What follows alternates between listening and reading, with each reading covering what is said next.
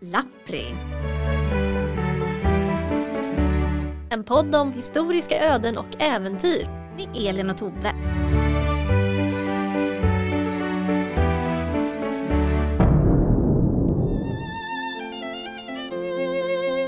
Välkomna kära lyssnare. Det är fredag igen och vi spelar in här och redan nu får vi faktiskt be om ursäkt för vi är båda jäkligt sjuka och snoriga och sitter på varsitt håll och spelar in. Det kan bli snörvlingar, det kan bli hostningar. Det kan bli att man låter helt bedrövligt också, men eh, Vi andas och flåsar som astmatiska hundar. Typ så. typ så. Om ni tycker det är jobbigt så kanske skippa det här avsnittet. Det, ni är varnade. Det är såhär lungsot realness. Och det är lite ironiskt också eftersom det här avsnittet ju faktiskt ska handla om hur man uppför sig på rätt sätt. Men eh, så, så är det. För alltså visst Tove, visst är det jobbigt när man inser att man ibland av rent oförstånd har uppfört sig riktigt illa. Ja, det, det, det, det är fan i mig pinsamt alltså. Alla tittar på en och stirrar och man fattar oj, nu gjorde jag någonting men man vet inte riktigt vad. Alltså jag vet inte hur många ställen jag har blivit portad från för att jag inte visste hur jag skulle uppföra mig. Och hur många gånger har inte det blivit allvarliga samtal med chefen och HR för att man, man bara inte vet. Ja, Ja, alltså aj, det- ja, det är jobbigt alltså. Och det här har ju alltid varit ett problem, liksom sedan tidernas begynnelse. det måste det ju ha varit. Men det finns ju hjälp att få. Nu för tiden kanske man bara kan gå på YouTube eller TikTok eller jag vet inte och lära sig hur man ska bete sig bland folk. Men det fanns ju f- även hjälp förr i tiden. Idag ska vi söka hjälp ur Handbok om den goda tonen och den fina sällskapslevnaden. Åh, intressant. Den här boken gavs ut i Stockholm 1827. Mhm. Då hade den först blivit översatt från franska, sen till tyska och sen till svenska.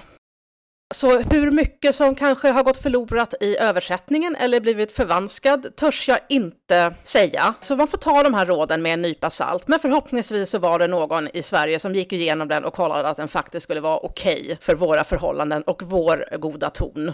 Det får vi ju faktiskt hoppas för de som köpte den här boken. Ja, och de som köpte den här boken, det bör ha varit unga män ur en lägre medelklass. Så ser jag målgruppen.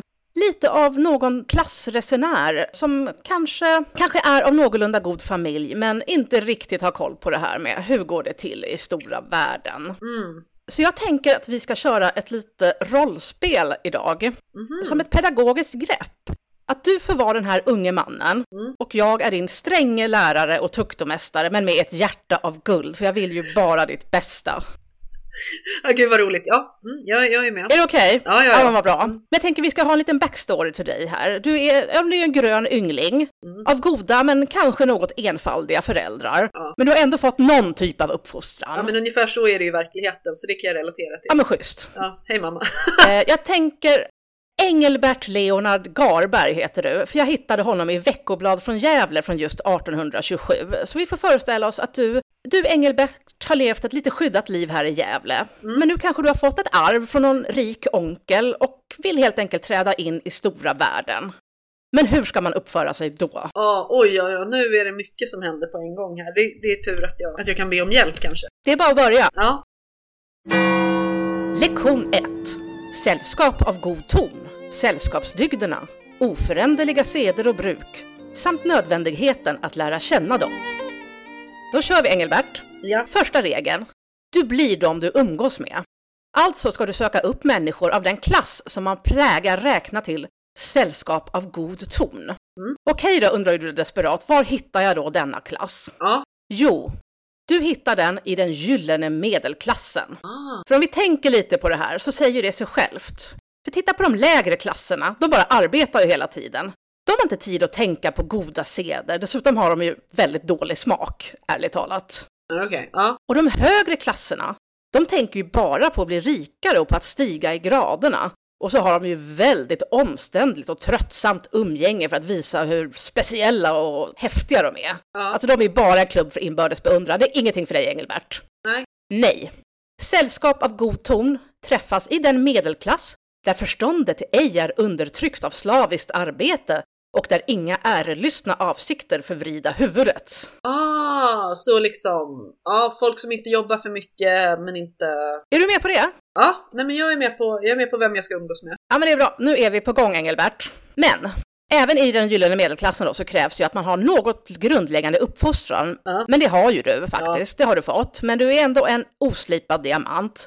Så vi kanske behöver lite självrannsakan här. För Engelbert, hur står det till med dina dygder och din karaktär? Nej men det skulle jag nog säga att det är, de är ganska goda för jag har ju fått det min, min grunduppfostran här. Ja men okej, jag har faktiskt tagit fram en liten checklista här så vi kan kolla. Ja men det är perfekt. Ja, Är du blygsam? ja lite. Ja men det är bra, för det ska man vara. Men inte för blygsam, för då övergår det i tafatthet och det är löjeväckande. Nej, du ska visa dig med artiga och naturliga maner utan förlägenhet och tillgjordhet. Okej, ja. Har du en anständig ton?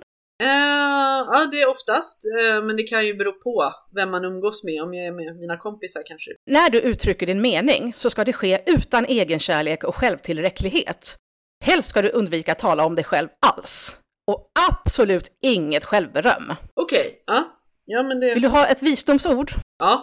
Vill du att man ska tala väl om dig? Beröm icke dig själv, låt dina handlingar tala. Okej, ja. Mm, mm. Va- var inte det kloka ord? Det tycker det är klokt. Jag, jag tänker att det kanske är lite som idag när eh, ja, men folk berättar hur fantastiska de är gärna på sociala medier. Ja, nej, det är inget ideal för dig, Engelbert. Nej, nej, nej. Och samtidigt, tala inte om saker som kan väcka sorgliga minnen eller såra den du pratar med. Du ska vara varsam i omdömen om andra, hur roligt det än är att skvallra och snacka skit.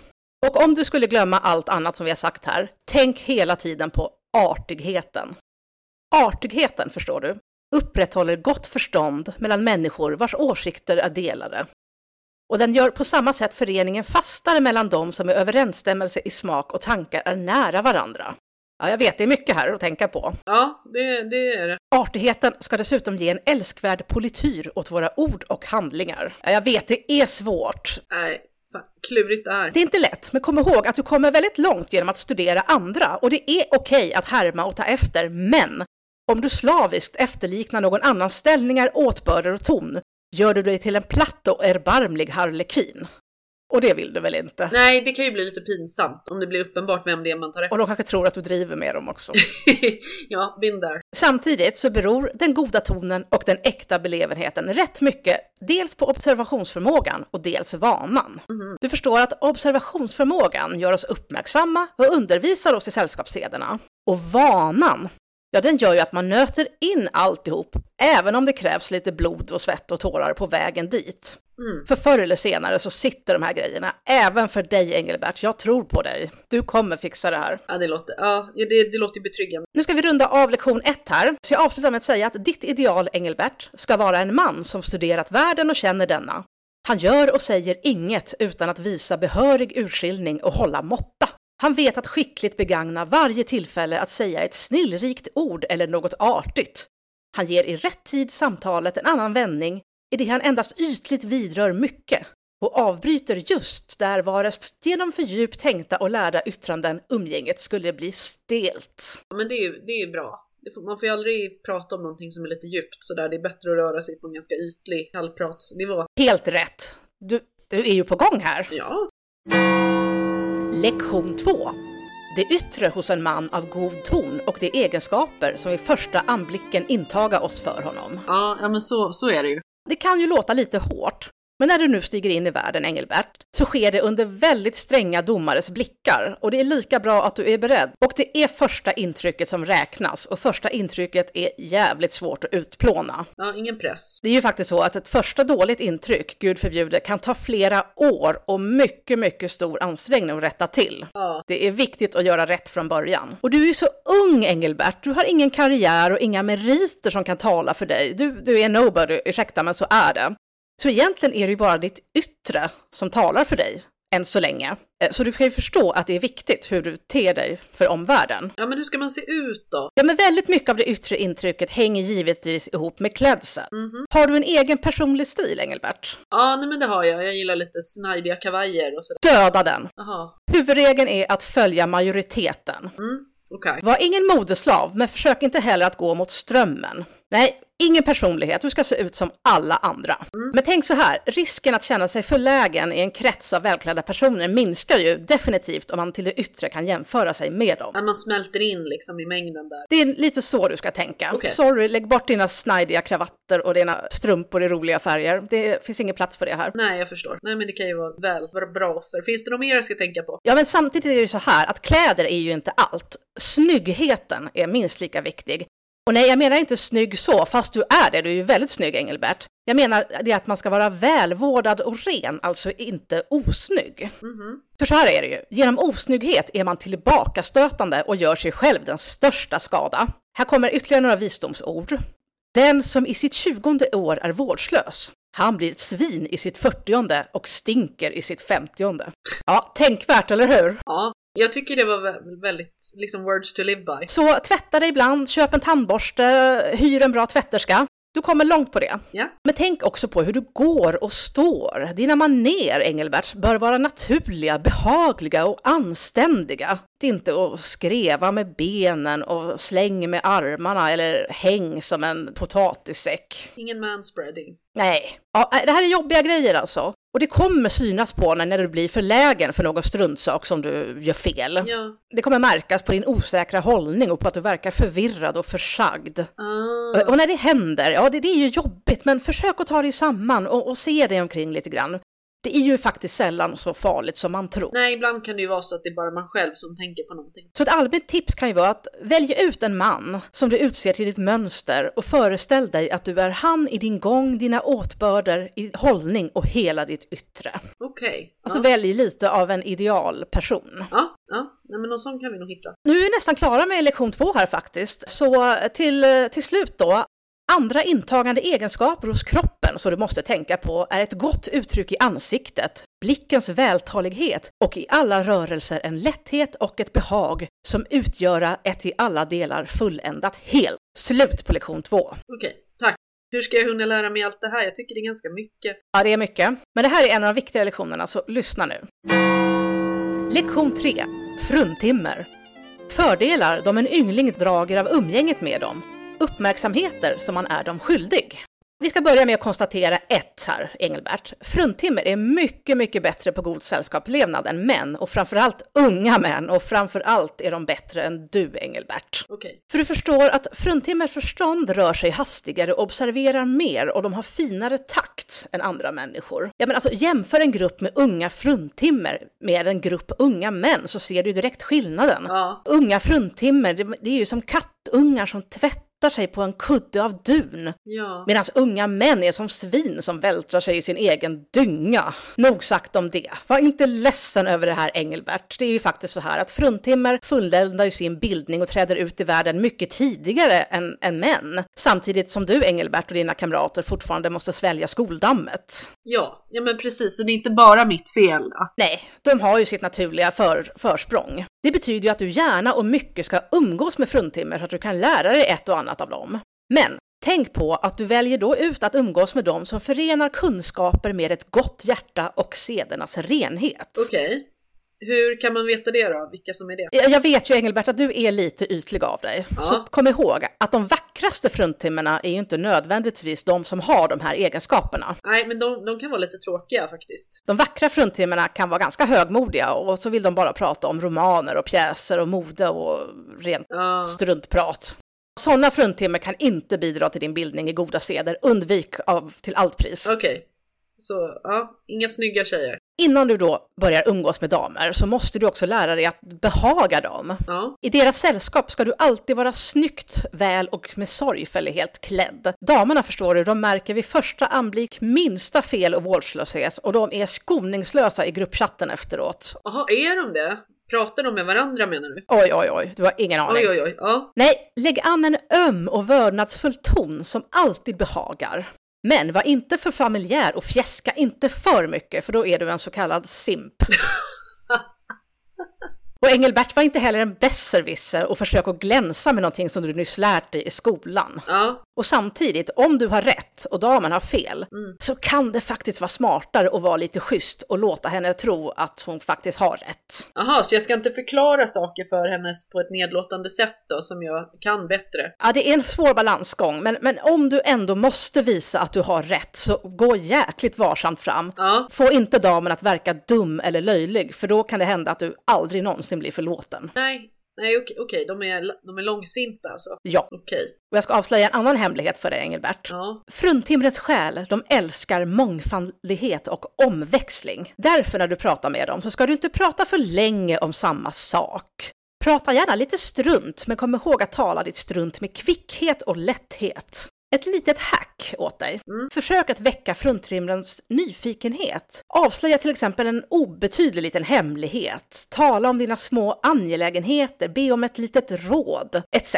Visa att du anser dem som nästan mänskliga och nästintill likvärdiga med dig. Det kommer funka jättebra. ja, det tycker de säkert är kul när de får, när de får svara på frågor och även om jag redan vet. Du fattar, du, oj oj oj, du är på gång här Engelbert. Ja, Men allra bästa sättet att vinna fruntimrens ynnest är att visa att de behagar dig. ja, det är det de vill. Det är där... Och kom också ihåg att berömma deras klädsel. Det är en väldigt bra hook och för det ligger de mycket varmt om hjärtat, allt som har med kläder att göra. Mm. Och tvärtom, om du säger till ett fruntimmer att hennes klänning är ful, att färg eller form på garneringarna inte har bästa smak eller att hennes frisyr inte sitter väl, då ska du göra dig odräglig, Engelbert. Ja, nej men det, det är nästan lika illa låter det som, som att eh, förklara någonting för henne. Nästan värre skulle jag tro. Okej, Det är smart att alltid vara redo att med ett litet angenämt smicker och vad som nu behagar och intresserar fruntimret du just talar med. De är ändå så enkla. De bekymrar sig inte över värdet och uppriktigheten av dina lovtal. De tror strax på vad du säger och låter sig lätt bländas och så får du tusen pussy points. ja men det låter ju alldeles rimligt så de, de vill, ja okej. Hur kan du veta så mycket? Har du haft mycket fruntimmer? Ja, ja. Men nu kommer vi till lite obehagliga läxor här. Jaha, För du får inte glömma bort de äldsta och de fulaste fruntimmerna när du gör dina segertåg genom salongerna, Engelbert. nej okej. Försök att ge även dem lite uppmärksamhet när du kommer åt och låt dem absolut inte märka din motvilja och missaktning. Ah, okej. Mm. Nej, det är ju bittra kärringar vi har att göra med här och deras hat och fiendskap kan bli skadligare än de yngres motvilja. Ja, för de är ännu mer långsinta. Ja, kom ihåg det. Ja. Och fråga aldrig en dam om hennes ålder och låt aldrig en gammal och därmed värdelös dam märka att du räknar henne till, ja, den geriatriska avdelningen. Okej, ja, nej, absolut. Ja, Och om en dam självmant skulle nämna sin ålder så ska du omedelbart hävda att du trott henne vara mycket yngre än vad hon sagt. Det är faktiskt lag på det, och vilket smart, det är ett lifehack.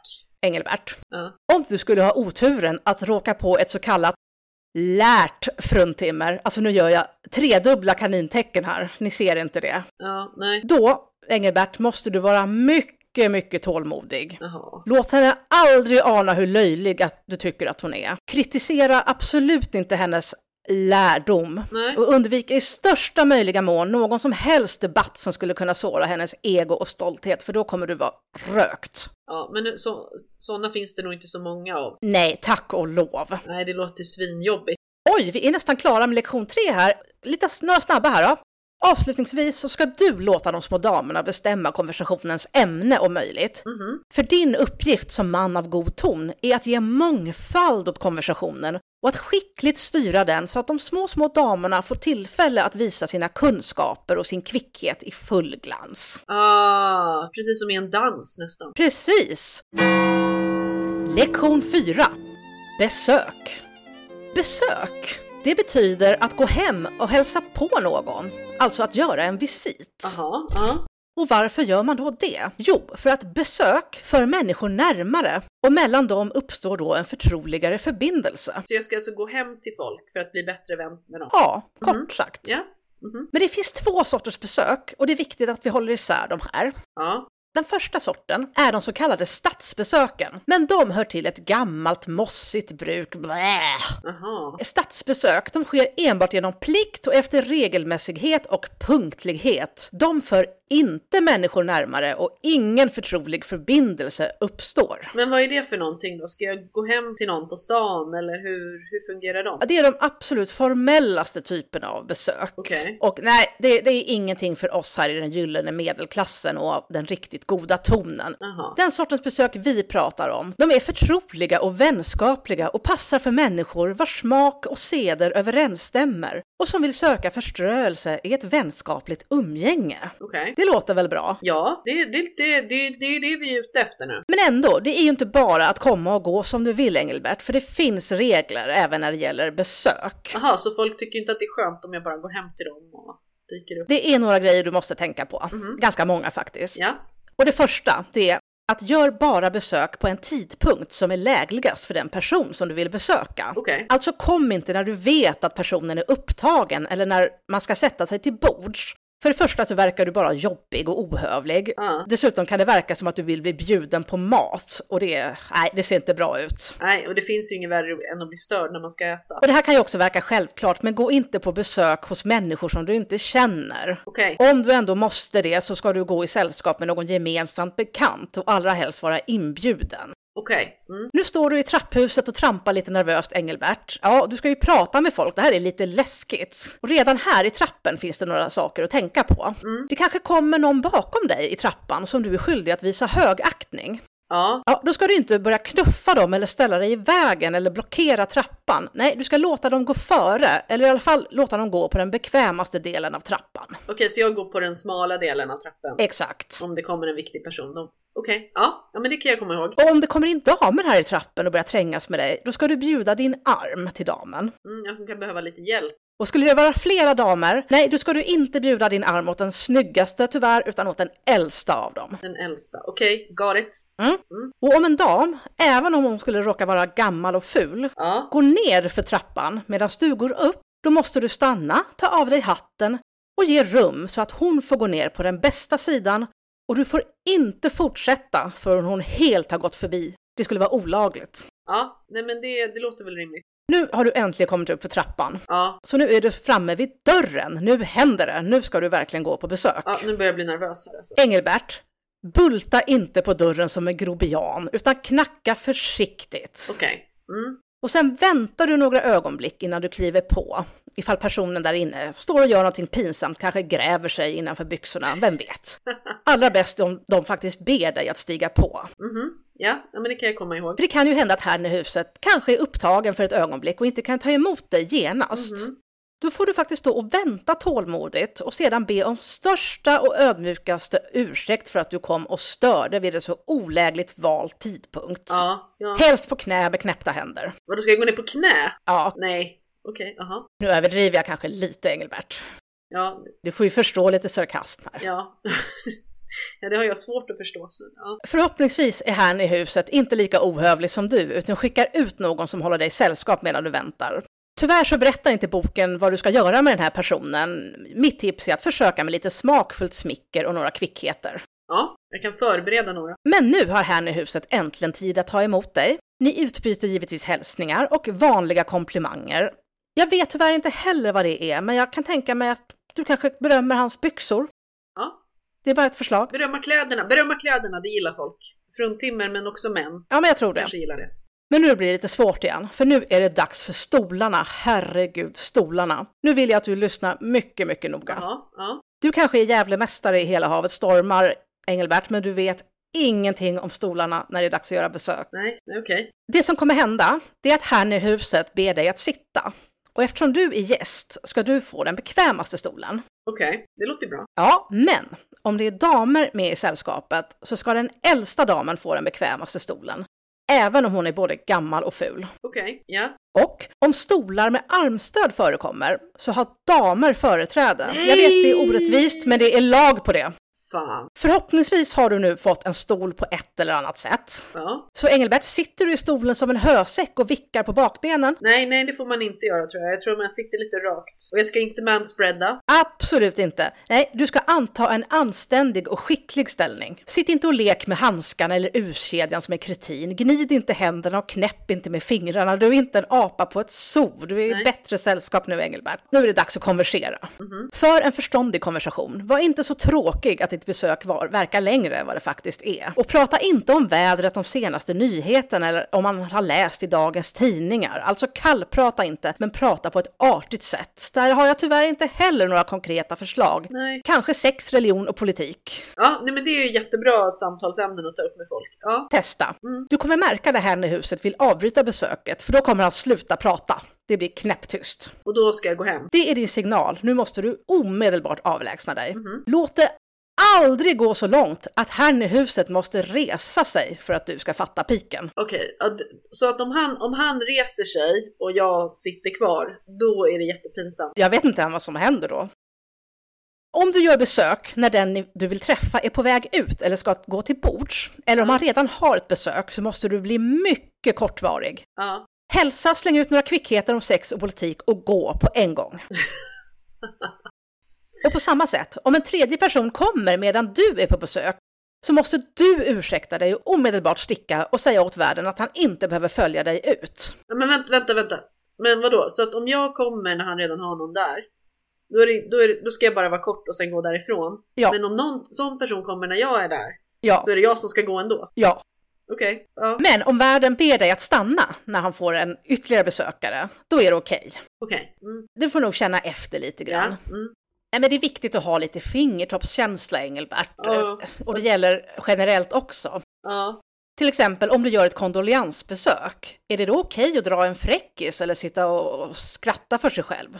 Nej, det, Nej, din min bör vara allvarsam, dina ord ha en rörande och hjärtlig ton som genast förråder ditt deltagande i det sorgliga öde som drabbat dina vänner. ja. Och nu vet vi ju att sörjande gärna pratar om hur ledsna de är, hur mycket de saknar den döda, bla bla bla bla bla bla. bla. Ja. Jag vet, men hur jobbiga de än är så får du inte visa att du är uttråkad. Det kommer bara att göra dem ännu mer ledsna faktiskt. Nej, okej. Ja, Och tvärtom, om du ska lyckönska någon för ett giftermål eller ett nytt barn så är det inte lämpligt att du sitter och surar och suckar och stönar. nej, det, det kan ju bli dålig stämning då. Men längden för ett besök då? Ja, det beror ju helt och hållet på hur god vän du är med den du besöker. Mm. Ju mindre kortare bekantskap, desto kortare besök. Ja, Och en annan fin tumregel är att ditt besök ska alltid av den du besöker kännas för kort. ah, okej. Ja, jag får, ja, mm, mm. Om din värd för besöket är väluppfostrad så kommer han att följa dig till dörren av det rum där ni sitter när du ska gå. Mm. Lämna den öppen och med ögonen följa.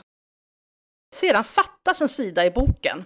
Så jag vet inte hur länge han kommer följa dig med ögonen eller varför, förmodligen för att kolla att du inte stjäl. Men nej, sorry, jag är lika lost som du här. Men gissningsvis så var det här en väldigt spännande sida som bokens tidigare ägare behövde ha med sig. Ja, vi har ingen aning om hur mycket vi går miste om och hur mycket viktig information om besök som är försvunnen för alltid här. Ja, men uppenbarligen så är det viktigt. Men bara för att du träffar nya coola tuffa vänner får du inte glömma bort att också besöka dina gamla tråkiga Men vänner. de är ju så töntiga. Ja, men dels kan de bli ledsna och dels så kanske du kommer att ha nytta av dem senare någon gång, kanske. Vem vet? Ja, det är bra. Ja, mm. Och besök ska alltid återgäldas, i princip i all evinnerlighet eller till någon dör. okej. Mm. För om du får ett besök så måste du senare besöka denne och vice versa.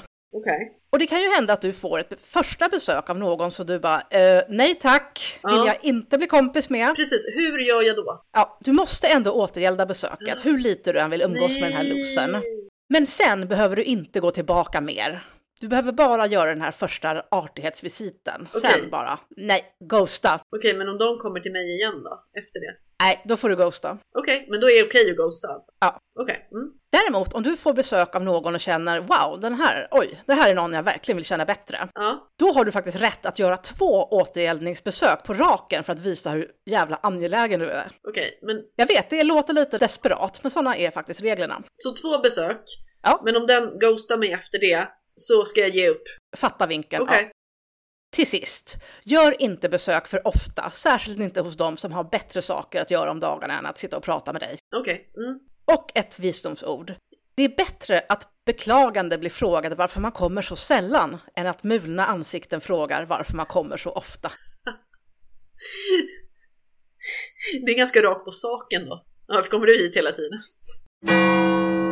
Lektion 5. Sällskapskretsar. Konversation.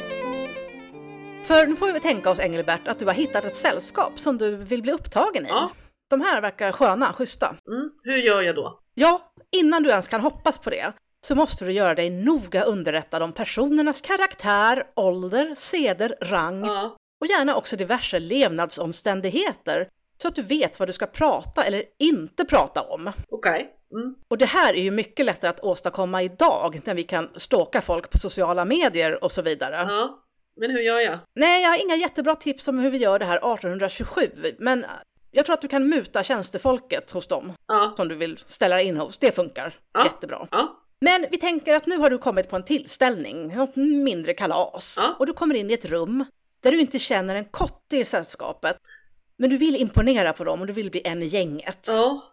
Hur gör jag då? Det första du ska göra är att vända dig till värdinnan och sedan till värden. Och vill du vara rätt artig, Engelbert, Ja. så ska du kyssa värdinnan på hand, både när du kommer och sen när du väl går. Okej. Dock Ja. inte värden, vad det verkar som, bara värdinnan. Nej. Okej. Och kom absolut inte för sent, för det ses som bevis på bristande aktning. Okej. Mm. Du kommer väcka motvilja både hos värden och det sällskap som du vill imponera på om du kommer sent som någon slashas. Nej, Så okej. titta på klockan. Nej men nu säger vi, du är i tid, du är i perfekt tid. Yes. Du har hälsat, du har kysst på hand, men det verkar ju som att det går bra här. Mhm. Då är det några saker du absolut inte ska göra. Nej. Allt det här är inte Engelbert. Peta dig i tänderna med en penna. Drilla en aria. Gäspa, sucka eller viska högt. Ställa dig med ryggen mot kakelugnen så att du snor värmen. Men det är ju kallt! Sträcka ut dig på en armstol eller kanapé. Trumma med fingrarna på bord eller stolar. Se frusen ut. Viska i någons öra. Ta fram papper ur fickan och börja läsa. Se på klockan. Ja, nej, jag kan för sig relatera till alla de här. Allt det här är stora no-nos. Ja, gå inte och lägg dig på någons divan, del i soffan när du är på besök när det är massa folk. Nej. Och det här är en stor grej. Ja, Tänk särskilt på att inte skratta för högt, Engelbert. okej. Nu klipper jag direkt ur boken. Att skratta omåttligt högt är det tydligaste bevis på en slät bildning. Det högljudda skrattet, som tillhör endast den lägsta klassen av sällskap, är en förening av grimaser och oartikulerade ljud, en fullkomlig och löjlig förvrängning av alla miner, som är motsatsen av den goda smaken. Okej, ja. Nej, en bildad man, Engelbert, han ler mer än han skrattar. Om ett unisont skratt skulle uppstå i sällskapet, ja då får du stämma in, men du får bara skratta med måtta och endast om skrattet kommer av något lustigt i konversationen. Du ska aldrig skratta åt något som du finner löjligt hos någon i det närvarande sällskapet. Nej, okej. Alltså skratta inte åt någon, vare sig åt deras språk, klädsel, åtbörder eller deras uppförande. Gör det bara inte. Nej, nej, okej, ja. Du får gärna tycka att någon är löjlig, men då måste du hålla dig för skratt. Ja, Men du får inte heller göra någon annan uppmärksam på det roliga, vare sig med ord eller vink, alltså inte nudge nudge, wink nej. wink. Och in, inte Nej. viska i örat heller på någon. Nej, det har vi redan Ja, sagt. nej, bra, det- bra. att- Ja, Jag så- märker att du snappar upp. Nej, det är väldigt obelevat att viska och skratta med andra Ja. i en liten grupp. Om någon i sällskapet visar upp en liten trevlig kuriositet eller klenod, vad tror du att du gör då? Du vill ju gärna se på den här, jag vet det. Ja, Det första du ska tänka på är att du ska inte tränga dig fram som en ångvält och rycka åt dig vad det nu är det här är. Nej, du ska vänta tills det är din tur och man räcker det här föremålet åt dig. Och du ska inte säga någonting förringande om det här föremålet. nej. Det är för det första oartigt och så verkar du ju avundsjuk. Ja, okej. Och å andra sidan, gå inte överstyr med beröm, Nej. för då tror man att du är en bondtölp som aldrig sett någonting liknande förr. Okej, så jag ska vara världsvan men inte, inte för dissa i. Jag vet inte om man kommer undan med att inte säga någonting alls, bara att stå med stenansikte och lämna det här föremålet tillbaka. Jag vet inte.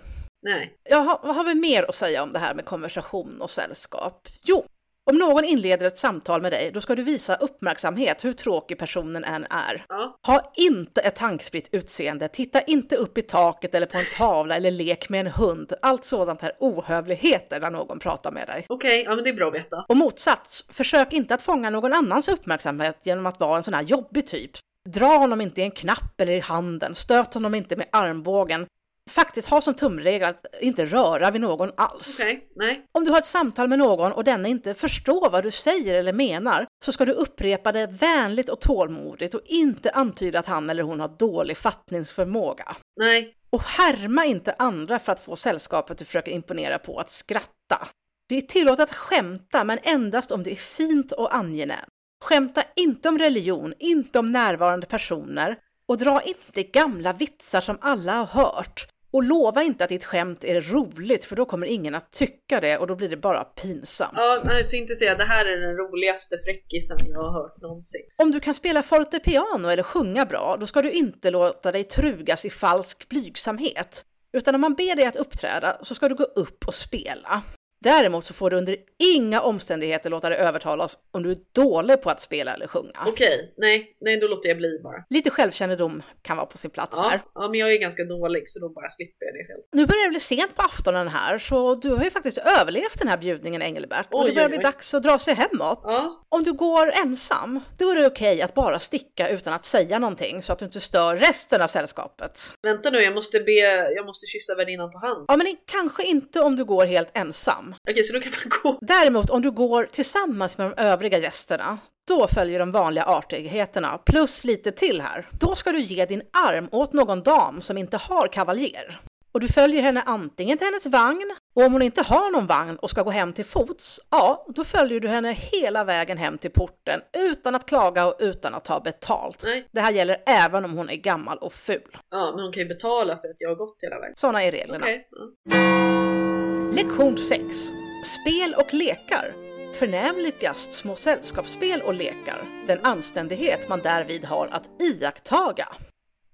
Spel och lekar, det är ju kul. ja, det är väldigt roligt. Framförallt är spelet tidsfördriv för att slippa prata med varandra. Det kan vara ganska skönt. Alltså är det bra att kunna fler allmänna spel, särskilt kortspel, så att du inte verkar alldeles tappad bakom en vagn. Ja, Vi ska dra några snabba grundregler. Var inte dålig förlorare, Nej. annars är det bättre att du låter bli att spela alls. okej. Alltså inga sura miner när du förlorar och samtidigt inga omåttliga skratt och högljudda glädjeyttringar när du vinner. Det är dålig stil och dålig smak. Okej, då blir folk sura alltså. Om din motspelare förlorar och förolämpar dig i vredesmod så Ja. måste du ta det med ro och du får inte ge igen. Nej, okej. Nej. Om du har tur och vinner gång på gång, då hör det till god ton att lämna spelbordet om motspelarna ber dig om det.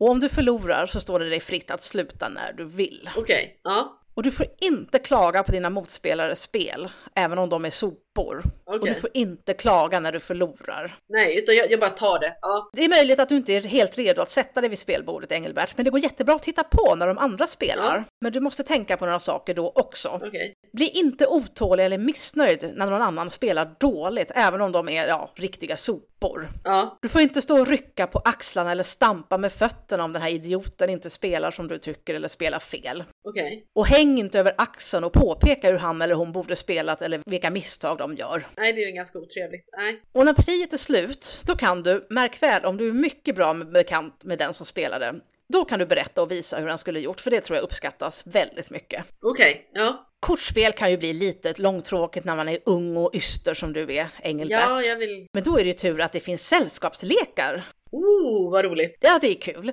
Och de kan vi dela upp i huvudsakligen två sorter. De som går ut på rörelser och de som går ut på tankefärdighet. Mhm. De som går ut på rörelser är ju lite lättare och roligare. Mm. Men om du avstår från lekarna som bygger på tankefärdighet så löper du fara att anses som trög och enfaldig. Så det är lika bra att du tränar lite på den typen av lekar redan nu. Ja, ja. Men du får inte vara för kvick och rask med tungan. Särskilt om du är i sällskap av bedagade damer som kan ta illa upp av tvetydigheter. Okej. Ja, Och det här gäller alla lekar. Lättfärdigt uppförande är strängt förbjudet. Låt inte händerna gå som de vill, fatta inte en ung dam om livet och omfamna henne absolut inte. Ta inte ifrån hennes tillhörigheter för att sedan ge dem tillbaka med någon liten artighet. Nej, sådana friheter kan vara högst ofördelaktiga för ett fruntimmers goda namn. jag förstår. Det roligaste med sällskapslekar är ju straffet på slutet eller utlösandet av panter. Okej, ja. Men straff eller panter som innehåller tvetydigheter eller som sårar blygsamheten är absolut förbåten. Du får aldrig välja samma dam att undgå straff tillsammans med dig mer än en gång på raken. Det kan vara ofördelaktigt för hennes rykte. Och till sist, i alla sällskapslekar så måste du visa alla damer samma uppmärksamhet, även de fula och bedagade. Åh. Jag vet. Ja. Lektion 7. Kalas. Gästernas och värdens ömsesidiga åligganden. Föreskrifter hur man bör ordna en taffel och hur värden bör skicka sig därvid. Så nu är det jag som bjuder på kalas. Nej, du är inte riktigt redo att själv vara värd ännu, Nej, okej. men du kan ju ändå lära dig lite om hur det går till när du går på kalas. Ja, ja. För nu har du fått en inbjudan till en, ja, säg en middag. Yay, hurra! Vad kul! Ja, kul! Ja, då ska jag äta massa mat. Inbjudningar kan komma skriftligt eller muntligt, minst två dagar i förväg. Okej. Och då lämnar du svar, antingen direkt eller senast inom 24 timmar. Och om du inte vill gå så måste du ge en trovärdig ursäkt. Okej. Mm. Ja. Det måste vara trovärdigt och legitimt. Men om du vill gå på det här kalaset, då kommer du i tid, för det gäller även här. Ja. Då kommer du tas emot i förmaket, antingen av värden eller någon han har utsett.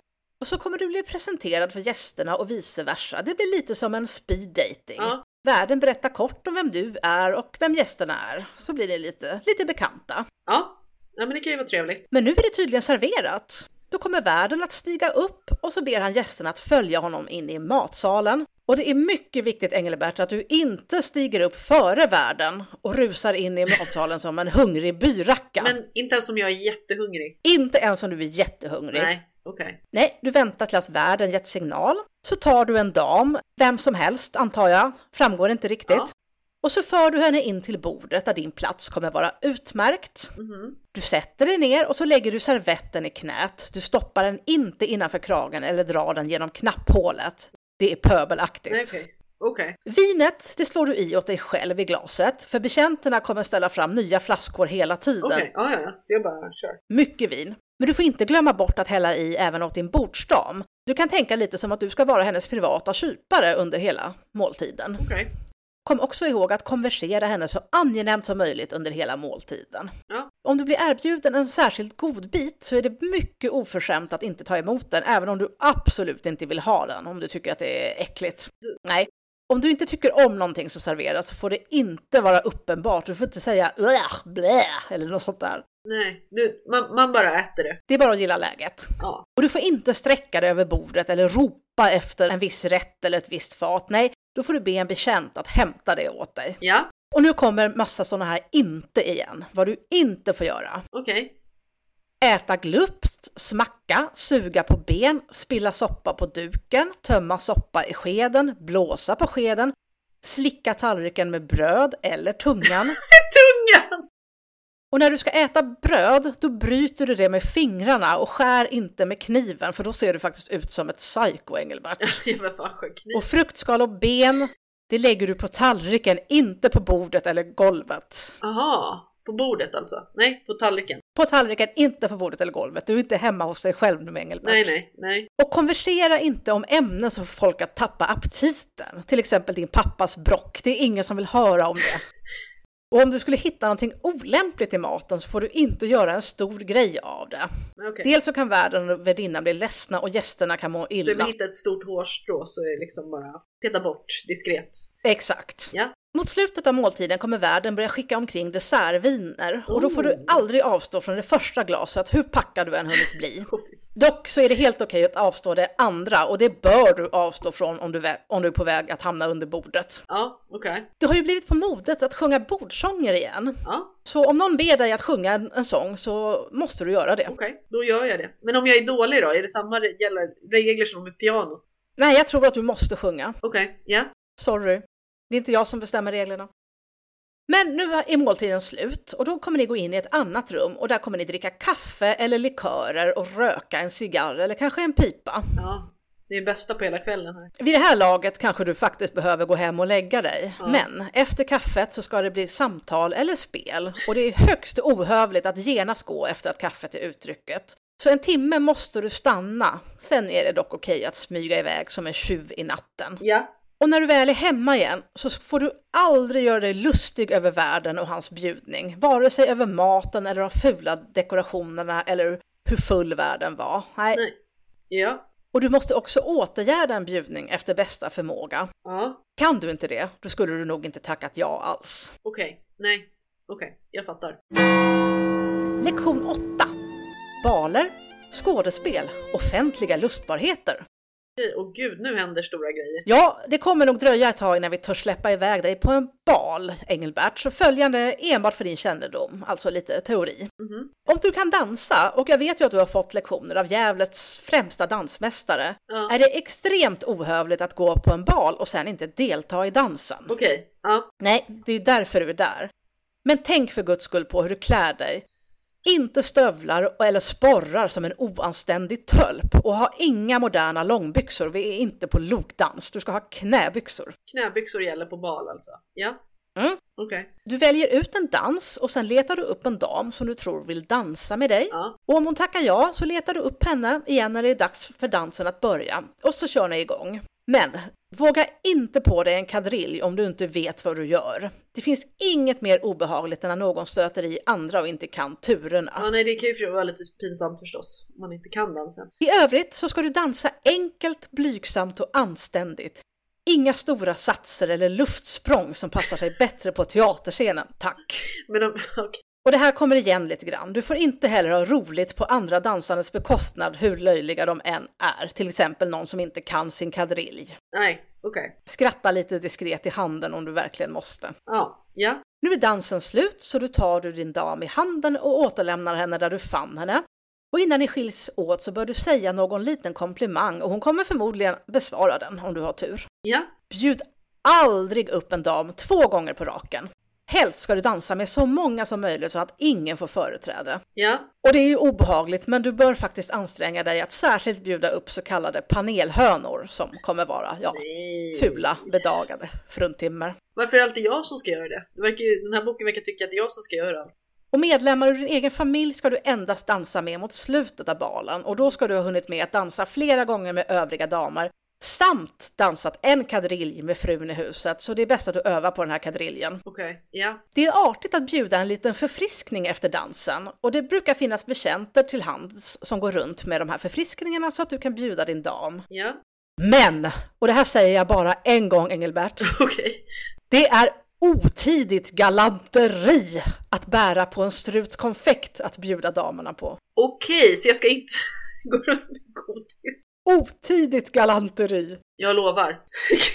Ja, vi måste gå vidare. ja, Det är oskickligt att se på vissa personer med fräcka eller stela blickar, liksom att med hög röst göra anstötliga anmärkningar. ja. Jag ser att tiden löper iväg här så vi hoppar direkt över till konsert. Lite kort. De bästa platserna på konserten lämnar du åt damerna, det är lag på det. Ja, Sitt inte och sjung med eller vissla med i konserten och digga inte med huvudet, händerna eller fötterna i takt med musiken.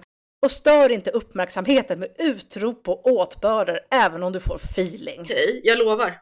Ja, det var konsert. Nu går vi på teatern och du ska gå dit med damer. Ja, Givetvis har du i förväg ordnat med entrén så att du inte behöver stå och schackra med biljetterna som en tölp. ja. Damerna ska få bästa platserna i logen och den mest aktningsvärda eller äldsta damen får den bästa platsen. Ja, Och om en dam inträder när du redan sitter längst fram så ska du omedelbart erbjuda din plats åt henne. ja, Du får aldrig vända ryggen åt scenen och du får inte skratta åt de åskådarna i publiken som blir rörda till tårar av föreställningen. Skym inte sikten för de som sitter bakom dig och prata inte högt under föreställningen. Nej. Apa inte heller efter vad som sker på scenen eller anmärk på det som händer där. Det är lite tuffa bud på teatern, men vi försöker med lite ofarligare mark. Att spatsera i en park eller lustträdgård. ja, men det vill jag göra. Du ska aldrig se rakt i ansiktet på dem du möter. Det är lite som en gorilla, se inte direkt i synen på dem. Det kan sluta illa. Nej, då kan... Ja, ja, Men om du möter någon du känner så ska du hälsa vänligt på dem, men det behöver du bara göra första gången ni ser varandra under promenaden.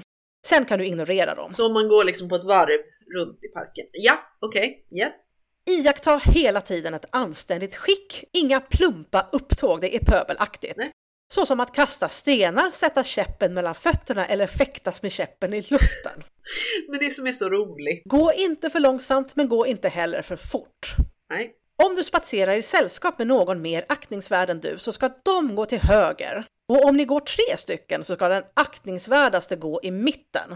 Och jag vet vad du tänker nu, om vi är fler än tre då? Ja, Jag vet faktiskt inte, jag tror helt enkelt att du får undvika den situationen helt för säkerhets skull. okej. Tre och tre.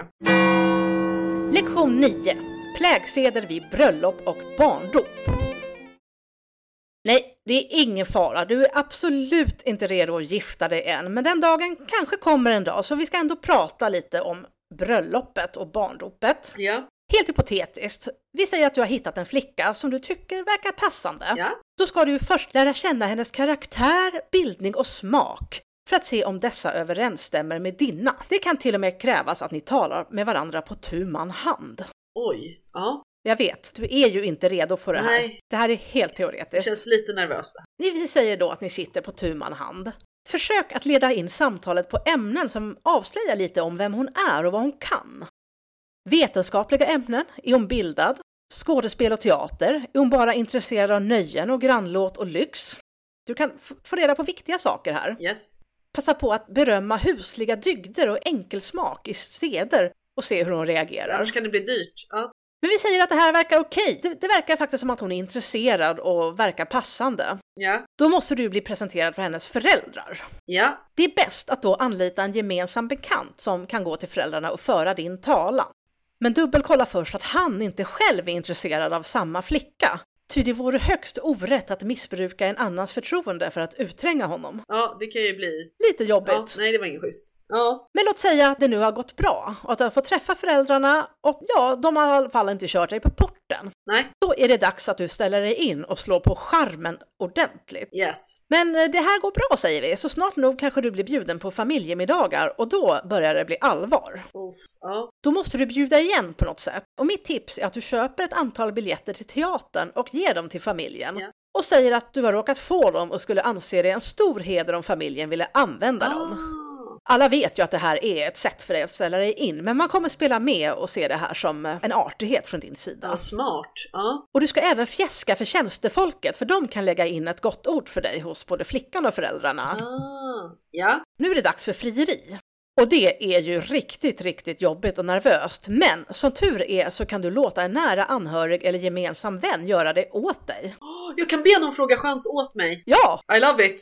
Ja, och det ska alltså göras till föräldrarna. okej. Ja, Och de har rätt till några dagars betänketid. Under den tiden så ska du ligga lågt. Efter några dagar börjar du säkert bli lite otålig och då kan du skicka en skriftlig påminnelse eller be den här vännen som friade åt dig att eh, stöta på lite grann. ja, För sakens skull så säger vi att det blev ett ja. Det är- blir bröllop. yes.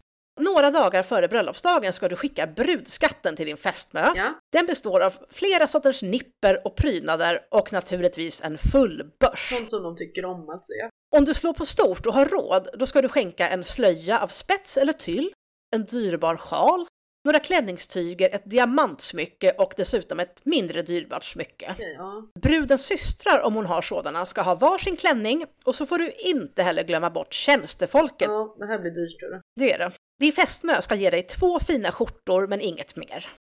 Inbjudningarna till bröllopet ska skickas fyra till fem dagar innan. Och på bröllopsdagen så går du och dina närmast anhöriga till brudens hem. Alla gäster ska få vita handskar om de inte redan har det. Ja, nej men det är bra att ha. Du och bruden åker till vigseln i varsin vagn om inte vigseln sker i brudens hem. Och min egen åsikt är ju att kyrkvigsel är ganska bonds och Ja, det är pöbelaktigt. lite tufft och borgerligt sådär. Under vigselceremonin ska ni båda visa största uppmärksamhet och iaktta ett blygsamt och anständigt sätt, inget flams och trams. Nej. Nu är ni gifta och det är dags för bröllopsmåltid. Bruden sitter mellan sin mor och svärfar och brudgummen mitt emot sin nyblivna fru mellan sin svärfar och mor. Ja, Efter måltiden öppnar ni, alltså brudparet, balen. Jag vet inte om det är lag på att ha bal, men jag tror det. men det är klart vi vill ha det. Och den pågår till midnatt och då smyger sig bruden iväg med sin mor till brudgummens hus. Brudens mor följer dottern till sängs och avlägsnar sig förhoppningsvis efter det. För några minuter senare kommer brudgummen.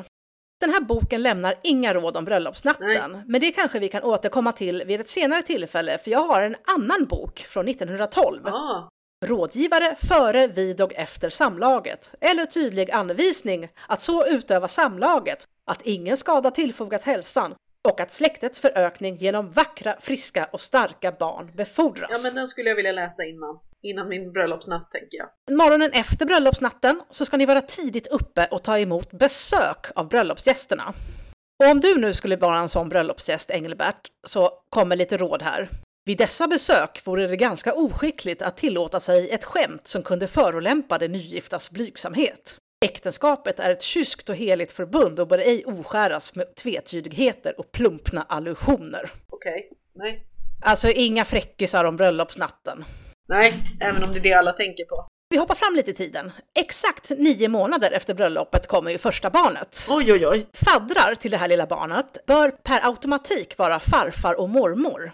Dessa ska bli underrättade om sitt fadderskap så fort hustrun ens anar att hon är i välsignat tillstånd. När nedkomsten börjar närma sig så ska du då, far till barnet, bjuda in din mor att närvara. Alla unga mödrar älskar ju att ha sin svärmor med på förlossningen. Jag kan verkligen tänka mig att hon kommer se fram emot det väldigt mycket. Nej men det är så härligt. Ja. Men det går bra, så den lilla är född och då ska du sprida nyheten. Och nu måste alla damer göra besök hos din hustru. Ja, ja men det kan ju vara viktigt. Ligger hon fortfarande i sängen då eller är hon... Jag tror det. Men sen är det dags för dop och efter dopet blir det givetvis kalas. Ja. Och nio dagar efter dopet så ska faddrarna och alla andra gäster vid dopet göra ytterligare ett besök hos hustrun då, även de som redan har gjort det. Ja. Och sen när hustrun blivit kyrktagen så ska både hon och du göra ett besök hos alla dem i retur. Okej. Ja. ja, det blir väldigt mycket springande här men det, det löser vi. Stryk allt i kalendern Ja. de här närmaste månaden efter födseln. Ja. Lektion 10. Vad som bör iakttagas vid brevskrivning. Ja men det är bra att kunna. Vi kör det här Ja. ganska kort. Skriv med klarhet. Var enkel i uttryck. Sökta och högtravande ord är löjliga. Okej. Och var kortfattad om du inte ska meddela en vän något i förtroende, alltså om du har en massa te och skvaller. Då kan du skriva hur länge som helst. Ja, Okej, okej, om det är viktiga saker alltså. Och naturligtvis, skriv efter mottagaren. Känn målgruppen. Ja, ja men det kan väl vara rimligt där. Om du skriver till någon av högre rang så ska du nyttja en vördnadsfull ton och överväga varje ord, medan du kan vara lite mer lättsinnig till närmare vänner. Men det kan också vara ganska vådligt att försöka skämta i skrift, för det döda ordet kan så lätt missuppfattas till skillnad Ja. från då ett samtal med ord och röst. Ja men när man inte hör hur någon tonläge och sådär, då kan det bli fel. Och ju större aktning du ska visa mottagaren, desto större brevpapper. Okej, så A3-arket kommer fram. Och mellan titel på den du skriver till och brevets själva början så ska det alltid vara ett mellanrum. Mm. Men ju högre aktning till personer du skriver till, desto större mellanrum. Så det kan bli väldigt, väldigt stora papper om du till exempel ska skriva till kungen. Oj, oj, oj. Ja, Ja, och det är jätteviktigt att ha koll på högvälborne, välborne, ärevördige, högädle, högt ärade, etc, etc, etc.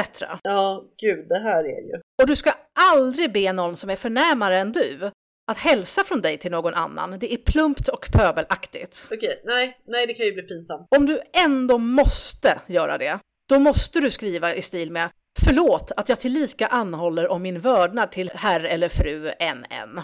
Men den du vill hälsa till får inte vara av lägre rang än den du skriver till. Okej, nej. Använd aldrig PS. Det avslöjar bara att du är en virrpanna.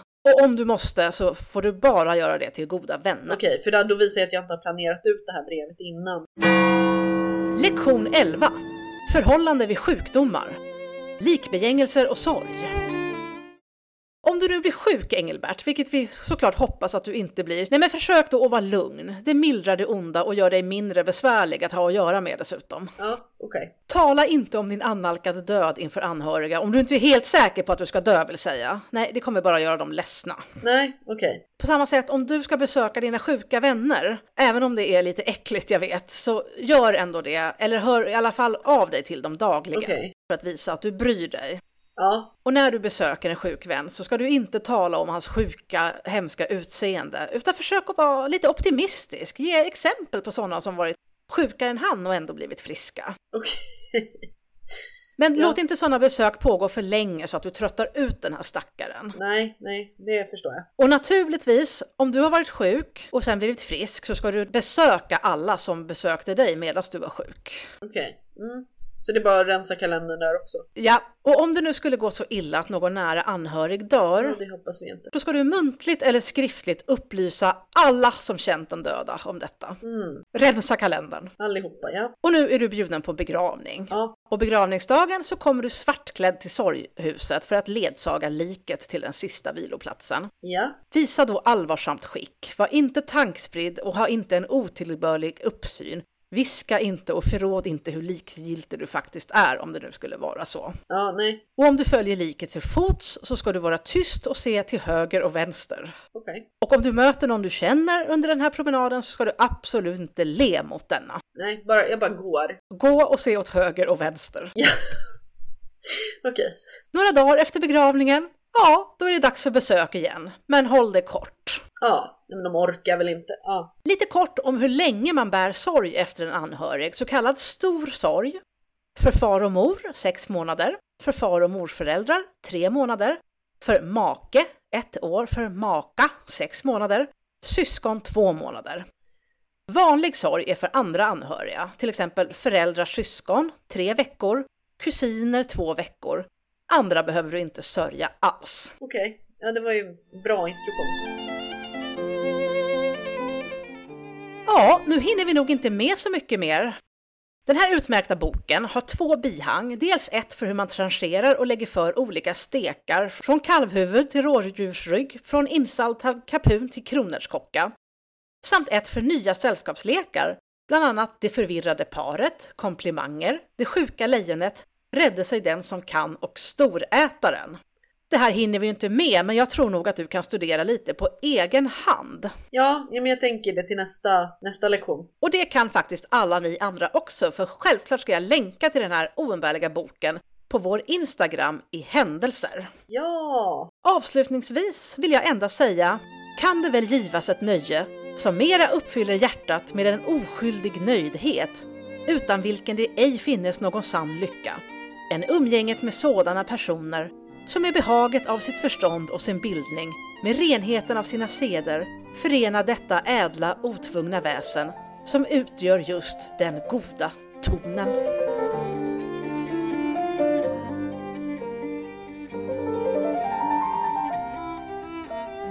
Ni har lyssnat på Lappri, en podd om historiska öden och äventyr. Vi som har gjort podden heter Elin och Tove. Ni kan följa oss på Instagram på lappripodd, besöka oss på lappripodd.se och om vi hade väldigt fel kan ni mejla oss på lappripodd.gmail.com.